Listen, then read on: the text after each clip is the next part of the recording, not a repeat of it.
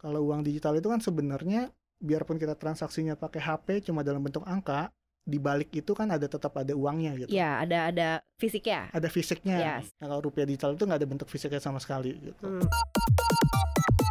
Yang jadi catatan lain itu sebenarnya juga infrastruktur sih, karena buat negara segede Indonesia gitu, internet aja masih ada yang belum Iya. dapet gitu kan. Hmm. Terus eh, selain masalah bankable tadi juga knowledge-nya gimana gitu. Hmm. Walaupun mereka semua punya handphone kan belum tentu mereka bisa otak-atik handphone untuk eh, keuangan gitu ya. Mungkin kebanyakan masih pakai sosial media doang. gitu. Nah, masih jadi catatan lah harusnya yang dipikirkan BI gitu. Kalau misalnya nanti rupiah digital udah dalam bentuk token, tiap ditransaksikan itu kelihatan rekornya. Mau nggak orang? Mau nggak orang ketahuan duitnya itu dipakai buat apa, dari mana, ke mana, ke siapa, dan lain-lain itu BI bisa tahu. Koneksi. Konten ekonomi seksi. Hai Sobat Cuan, apa kabar? Selamat datang di podcast Cuap Cuap Cuan Semoga Sobat Cuan yang satu, kondisi harus sehat ya Aku sudah mulai drop, saudara-saudara Suaraku sudah bindeng rasanya ya, pancaroba Jadi harus eh, sehat-sehat, harus menjaga kondisi kesehatan fisik maupun juga dompet ya Sobat Cuan ya Ketemu lagi bareng kita bertiga di sini di Koneksi Konten Ekonomi. Seksi. Iya, bareng mereka Tarina dan two of managing director ada di sini ngapain? Coba gue udah kayak saya kan sidang skripsi tau gak di sini. Mana dua-duanya keren-keren banget lagi ya kan kalau di cnbcindonesia.com dua-duanya ini luar biasa. Jadi ya Sobat Cuan bisa baca deh tulisan-tulisannya. Apa kabar Mas Demis dan Bang Mike? Baik. Baik, Maria. Sehat. Ini nggak lagi ujian skripsi. Jadi kamu jangan tegang. Oh. Aku jadi tegang. Soalnya kayaknya yang di sidang tuh gue. Oh iya iya. Benar. Karena kita mau menyidang Karena ini akan bahas satu tema Terkait mengenai rupiah digital Nah ini kan pas banget Kemarin juga eh, Mas Demi sudah muncul juga di uh, Squawk Box ya Sempet ya di CNBC Indonesia TV Terus ngobrolin, ngobrolin soal ini Nah Sobat Cuan kayaknya harus tahu nih Secara paling basic banget soal rupiah digital apaan sih Mas Demis mungkin mereka perlu tahu dan kudu tahu gitu Ini berat sih sebenarnya. eh, gue juga nggak tahu gue ngerti apa enggak. Nggak mungkin lu Se- masih ngerti Seperti seperti semua hal soal kripto dan bitcoin, gue nggak yakin gue ngerti. Karena kan nggak tahu bentuknya kayak apa. Iya ya. iya iya wujudnya nggak tahu Oke oke oke oke Ya intinya sih kalau rupiah digital itu masuknya artinya dari blockchain. Yang blockchain itu yang sekarang kan yang yang rame ya kripto gitu. Sebenarnya eh, fondasinya sama lah. Intinya sebenarnya kayak komputer aja buat nyimpen file segala Hmm. macam. Nah, bedanya itu adalah si blockchain itu adalah tempat buat nyimpen data lah. Mhm, mhm. Bedanya dengan komputer pada umumnya blockchain ini dia nyimpen data di banyak tempat secara berbarengan. Oke Jadi kalau misalnya lo nyimpen data di satu titik, semua data di tempat lain itu berubah. Hmm, secara hmm, bersamaan. hmm. Konsep ini yang dijadikan dasar dari Bitcoin.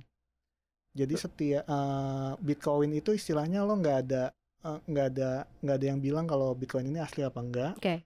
Yang bilang itu asli apa enggak rame-rame. Hmm, Jadi setiap ada perubahan di ya, transaksi itu kan berarti ada perubahan ya istilahnya hmm, si hmm, duitnya ini pindah dari A ke B. hmm. Nah itu secara berbarengan di semua data itu berubah. Oke oke. Dan bedanya dengan file lain pada umumnya, file yang di dalam blockchain ini nggak bisa di reset ke bentuk awal.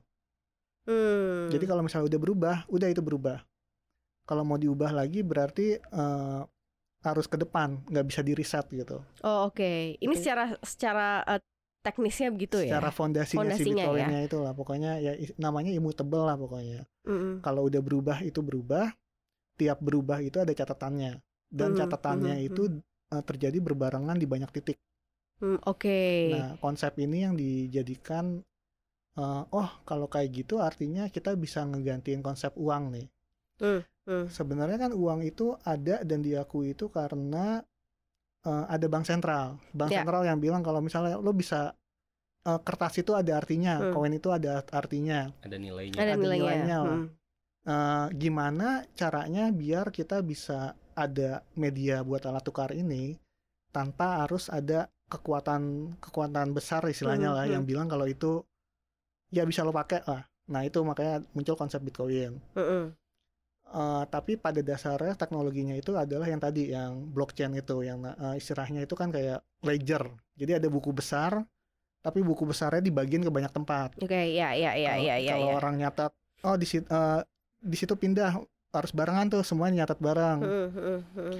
Nah, di balik si Bitcoin ini, bank sentral bank sentral di seluruh negara dunia nganggap, oh kalau gitu gue juga bisa pakai nih.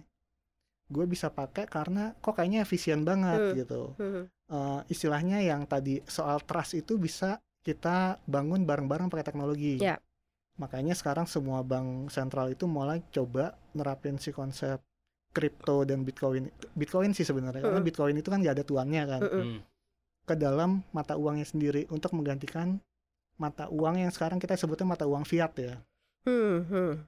Jadi si mata uang fiat ini dan satu lagi yang mungkin harus ngebedain adalah konsep uang digital sama si rupiah digital ini. Ya. Kalau uang digital itu kan sebenarnya biarpun kita transaksinya pakai HP cuma dalam bentuk angka, di balik itu kan ada tetap ada uangnya gitu. Ya, ada ada fisiknya. Ada fisiknya Yes. yang disimpan sama bank yang nyediain layanan itu ke kita. Nah, kalau Yang di mana misalnya- kita taruh duitnya di situ. Iya, jadi abis kita abis gue transfer ke Mike, banknya gue sama banknya Mike itu istilahnya Iya. mereka ntar pada akhir hari jadi duit dari banknya gue dipindahin ke duit banknya Betul. Gitu. Mm-mm. Nah kalau rupiah digital itu nggak ada bentuk fisiknya sama sekali gitu. Hmm. Tapi 2024 katanya akan diberlakukan si apa rupiah digital ini. Iya, eh, prototipenya ya. Mhm. Eh, karena kan banyak sekali jenis pembayaran yang mungkin akan dicoba sama BI bekerja sama dengan bank-bank supaya ini eh, bisa diperkenalkan lebih dulu. Karena nanti Mhm. bakal ribet juga sih kita makainya gitu. Mhm. Karena nggak, eh, ada dua uang kan, berarti kan ada uang secara digital, ada uang secara fisik. Gitu. Hmm, hmm, hmm.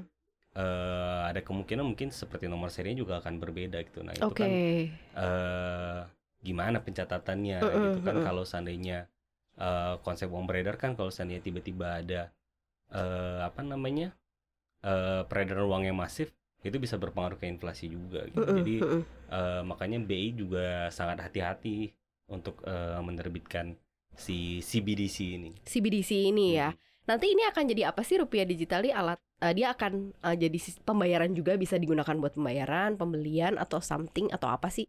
Mungkin ini kalian lebih deket kalau misal dibandingin sama Kris gitu Hmm. atau sama uang digital yang sekarang sobat cuan mungkin lebih familiar gitu. Nanti kan kalau ada lagi kayak rupiah digital apaan nih, makhluk apa gitu.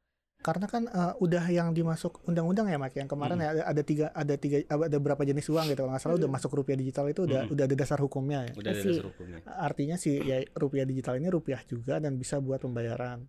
Tapi tentunya kalau misalnya udah sampai pembayaran itu butuh waktu lebih lama kan harus di Mhm, tadi kat- eh, yang pilot project yang dengan bank itu dulu sebelum dipakai yang buat kecil-kecil buat retail yang buat receh kita pakai yang buat gede-gede dulu lah jalan gak nih kalau misalnya buat misalnya transfer miliaran atau ratusan juta eh, dalam ya dicoba buat transfer dulu nih antar bank bisa nggak Oh, antar bank dan bank gitu Mm-mm. ya. Oh, oke oke Karena mereka oke. butuh buat pencatatan kan kayak mm-mm, gitu. Terus sama satu lagi CBDC itu sebenarnya yang paling signifikan perubahannya ke ini ya, budgeting ya. Hmm, Eh, budgeting untuk pencetakan uang.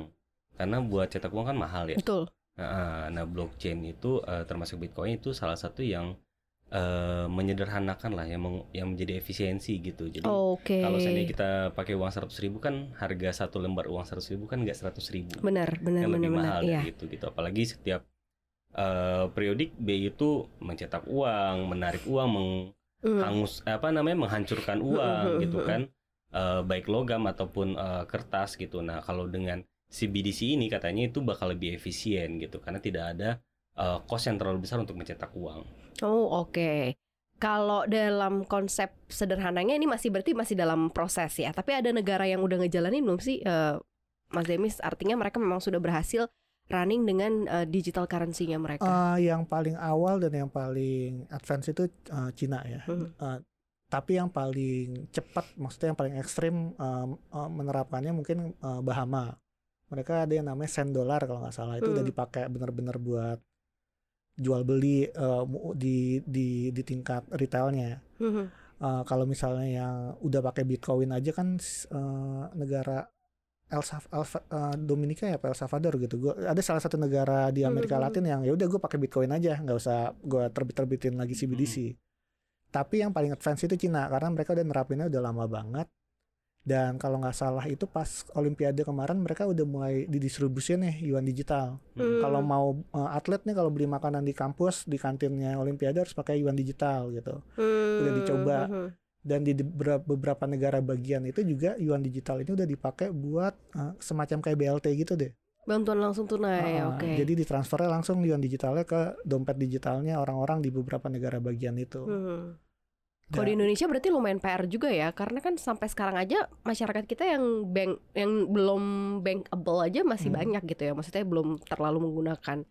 Iya, itu jelas Sementara- sih. Maksudnya uh, gap gap knowledge ya, gap, Hmm. gap entah gap knowledge atau gap gadget, pokoknya ya nggak nggak nggak harus di bawah banget lah. Misalnya di BI sendiri lah atau di bank-bank sendiri lah tiba-tiba dikenalin pada konsep baru kan mereka istilahnya ya Gagap juga gitu ya. Enggak, gue taunya kalau kayak gini harus settlement. Gue taunya kalau kayak gini harus Oh, ya. itu kan pasti pasti Iya, kan iya, ya iya, iya. harus butuh butuh pemahaman lagi kan. Mm, mm, mm, mm. Ya teknologinya juga beda. Ini bukan cuma ganti software loh. Ini istilahnya bukan cuma ganti komputer. Dasar komputernya itu berubah juga gitu. Mhm. Harus eh, Nah, belum lagi kalau soal cyber security segala macam. Nah, itu dia. Mm-mm. Nanti kalau misal rupiah digital itu berarti masuknya ke akun bank sendiri khusus rupiah digital gitu.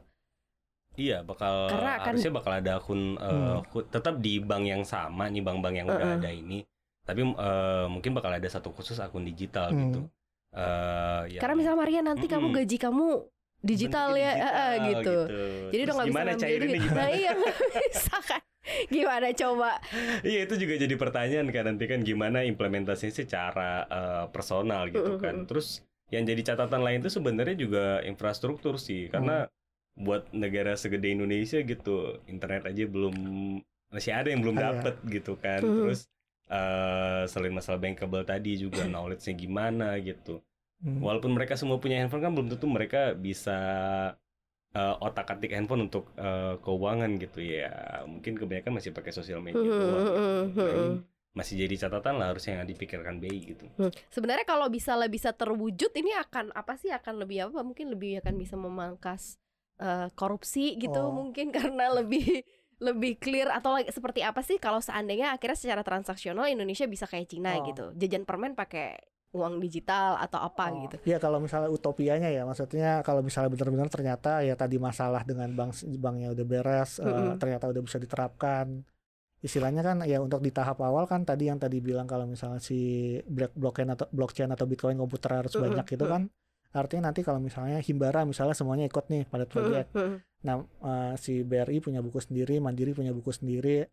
Nah, tiap ada perubahan itu mereka bareng tuh berubah kan. Mm. Jadi kom- jadi titiknya banyak tuh di Mm-mm. semua tempat itu yang pertama. Tapi mimpinya sih mimpi kalau misalnya benar-benar beda ya. Orang kan mikirnya pertama yang tadi eh, nggak nggak ada uang cash. Mike kan kemarin ikut tuh sama BI ke Papua, ke Lebih menghemat Hmm. ya. ke Maluku. Betul. Nah, bayangin tuh nggak usah bawa-bawa duit cash ke sana gitu. Ah. Langsung Bawa transfer aja. miliar pakai dus. Ah, Oh, seriusan? Mm-mm, pakai dus. Du- tapi bukan dus Indomie sih. ah. Dus gitu emang bener. Koper kali, koper duit gitu ya? Enggak, Enggak. dus. Oh, dus. Dus. Literally Ada dus. dus, ada kontainer eh, box gitu. Emang bawa kayak gitu. Bawa eh, miliaran-miliaran ke Hmm. masing-masing pulau buat bagi-bagi. Iya, itu Hmm. distribusi. Belum kalau misalnya BLT, Mm-mm. bayangin nggak usah lagi ngantri di kantor pos Kantor atau pos. di bank, bank, bank ya bank milik negara lah untuk eh, bener nggak lo yang punya ini Mm-mm. oh ya benar ya udah nih kasih cash yang kayak gitu nggak usah lagi. Misalnya langsung BLT dengan gampang, wah orangnya ini aja, prek transfer tokennya. Dan misalnya juga eh, kebijakan moneter, nggak usah lagi nunggu istilahnya eh, tra- eh, efeknya dari BI naikin bunga, bank naikin bunga, baru bank eh maksudnya kan ada Transmisi, transmisi, Iya, efek iya, transmisi iya, itu kan iya, sering iya, banget iya, disebut iya. kita masih Betul, menunggu efek betul, betul. transmisi. Mm-mm. Kalau misalnya tiba-tiba BI bisa naik bisa kenain bunga di dompet digital tiap orang, Iya, iya, iya. nggak ada iya. lagi efek transmisi gitu. Hmm. Karena Gua efek bilang, transmisi kan bisa panjang ya. Iya. Naik bisa enam Bulan. bulan nunggunya. gue naikin aja semua bunga di setiap token gitu. Mm. Kalau token itu lo simpan tiap bulan gue kasih bunga segini gitu. Mm-mm. Ya itu Mhm. ya ya tapi juga inflasi kan. Mhm, Misalnya mhm. tiba-tiba ada tambah rupiah digital sekian banyak gini ngukurnya gimana nih sama rupiah yang kertas tadi kan gue juga nggak tahu ada di mana nih rupiah tiba-tiba nongol lagi ya Mhm. kompleks lah dan tentunya ya soal keamanan siber itu karena si kripto kripto ini aja kan ramai banget soal hacker nih Ya, iya, iya. Dan yang paling Gimana ini menyangkut mata uang gitu kan ya? dan yang mungkin yang eh, kalau misalnya nanti rupiah digital udah dalam bentuk token tiap ditransaksikan itu kelihatan rekornya mau nggak orang? Mau nggak orang ketahuan duitnya itu dipakai Mm-mm. buat apa dari mana ke mana ke siapa Mm-mm. dan lain-lain itu BI bisa tahu Iya, iya, kalau iya, sekarang iya, kan iya, ya iya, kalau di iya. film-film mafia kan makanya Iya, atau misalnya di KPK ketangkepnya kan pasti pakai uang cash Bener, berdus cash kardus. betul, Iya. betul. kalau misalnya dalam bentuk token ya BI tahu itu sejarah duitnya dari A B C D E Iya. segala macam ketahuan Bini gue juga tahu tuh ya. Ah, iya. makanya kan katanya si The Fed kata si siapa si Powell kan bilang rupiah ah, soal CBDC ini buat orang Cina nggak ada masalah buat orang Amerika yang privasi buat mereka gimana banget pasti masalah gitu mau nggak Oke. Kalau orang Cina nggak masalah berarti ya? ya mereka kan udah terbiasa mungkin kan. Duitnya ketahuan ke mana-mana dipakai apa gitu ya? di di bawah Di monitor. kan, di monitor. Kalau orang Indonesia masalah nggak? nah ya Kira-kira. itu buat bapak-bapak ibu-ibu masalah nggak gitu Tapi buat bisnis bank sendiri kalau yang lo lihat gimana, uh, Bang Magnanti? Yang pasti bakal lebih efisien dong ya. Mhm. Karena eh, selain kalau tadi biaya percetakan uang mungkin dari BI, kalau di bank itu ada beberapa operasional yang misalnya kayak distribusi uang, Mhm. terus eh, tukar menukar uang. Jadi kayak eh, orang eh, kita nukar eh, nyetor duit fisik ini terus Mhm. ditukar lagi sama duit baru itu kan cost juga buat Mhm. bank sebenarnya. Nah kalau semakin rendah operasional bank harusnya kan bunga kredit kita nggak Lebih mahal-mahal rendah, amat ya. bener, KPR bener, bener, bener, bener, tinggi-tinggi bener. amat gitu. Jadi banyaklah hal ya hal positif yang kalau seandainya ini diimplementasikan dengan benar gitu. Mhm. Kalau di uh, China sendiri keberadaan si digital yuan itu, tapi uang kertasnya uh, yuan sendiri masih ada kan?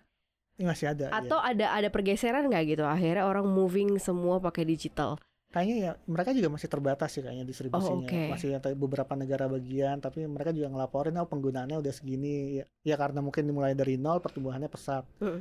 saya lupa data terakhir tapi pernah mereka pernah ngelaporin udah berapa sekian triliun yuan lah pokoknya transaksinya atau gimana cuma ya semua hati-hati mungkin pasti pelan-pelan lah karena uang itu ya tiap ru- tiap rupiah dan tiap dolarnya kan berpengaruh banget ke Mhm. ya ke ekonomi Hmm. pada dasarnya kan Oh ya satu lagi, kalau rupiah digital ini nanti akan membuat rupiah kita lumayan cukup stabil nggak sih di sisi nilai tukar ngaruh nggak sih? Atau atau ya sama aja ikut juga gitu? Oh, itu sih itu yang pertama kali dicoba waktu pertama-tama ada teknologi blockchain ya Mm-mm. itu yang pertama kali jadi si bank ini langsung tertarik adalah yaitu soal transfer antar bank Transfer antar bank. antar bank antar negara gitu Mm-mm. wah kalau ada kayak ginian gue nggak usah eh, ya pakai promissory notes atau nggak usah ya yakin gak lo ada duitnya atau gimana gitu? perlu Is- broker. iya nggak usah ya LC segala macam jadi nggak ribet gitu. Begitu duitnya masuk di negara A di sana di catatannya berubah di catatan gue juga berubah gitu. Kalau misalnya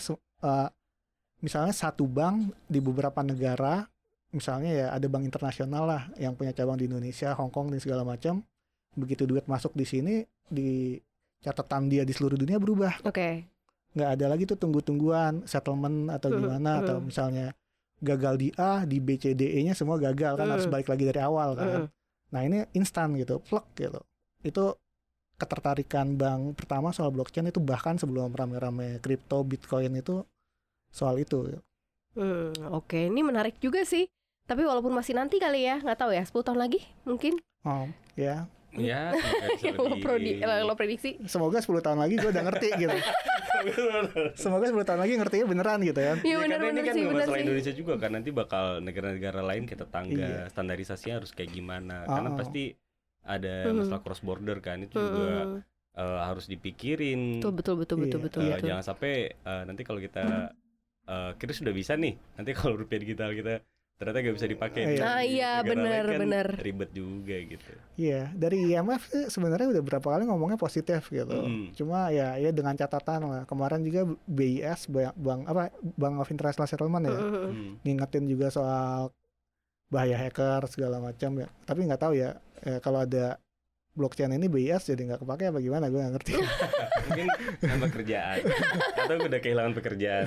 Aduh ini kayaknya harus diupdate-update terus ya kayak gini ya Sobat Cuannya Apakah ini dunia baru nanti? Apakah kita memang harus belajar yang kayak gini-gini? Jika suatu hari nanti transisi memang benar-benar udah nggak pakai uang kertas lagi Semuanya pakai digital semuanya ada di handphone sobat cuan ya we never know. Tapi kita update terus soal teknologi yang pasti gitu ya untuk supaya sobat cuan tahu dan juga ngerti jadi kalau nanti waktu implementasi nggak bingung lagi nih karena udah pernah dibahas di cuap-cuap cuan well thank you bang Mike dan juga Mas Demi sudah sharing di koneksi Jangan lupa dengerin konten-konten kita lainnya di Apple Podcast, Google Podcast, Spotify, dan Anchor. Follow akun Instagram kita di @cuap underscore cuan. Dan subscribe YouTube channel kita di Cuap Cuap Cuan. Like, share, dan juga komen ya. Maria pamit. Demis pamit. Michael pamit. Bye-bye.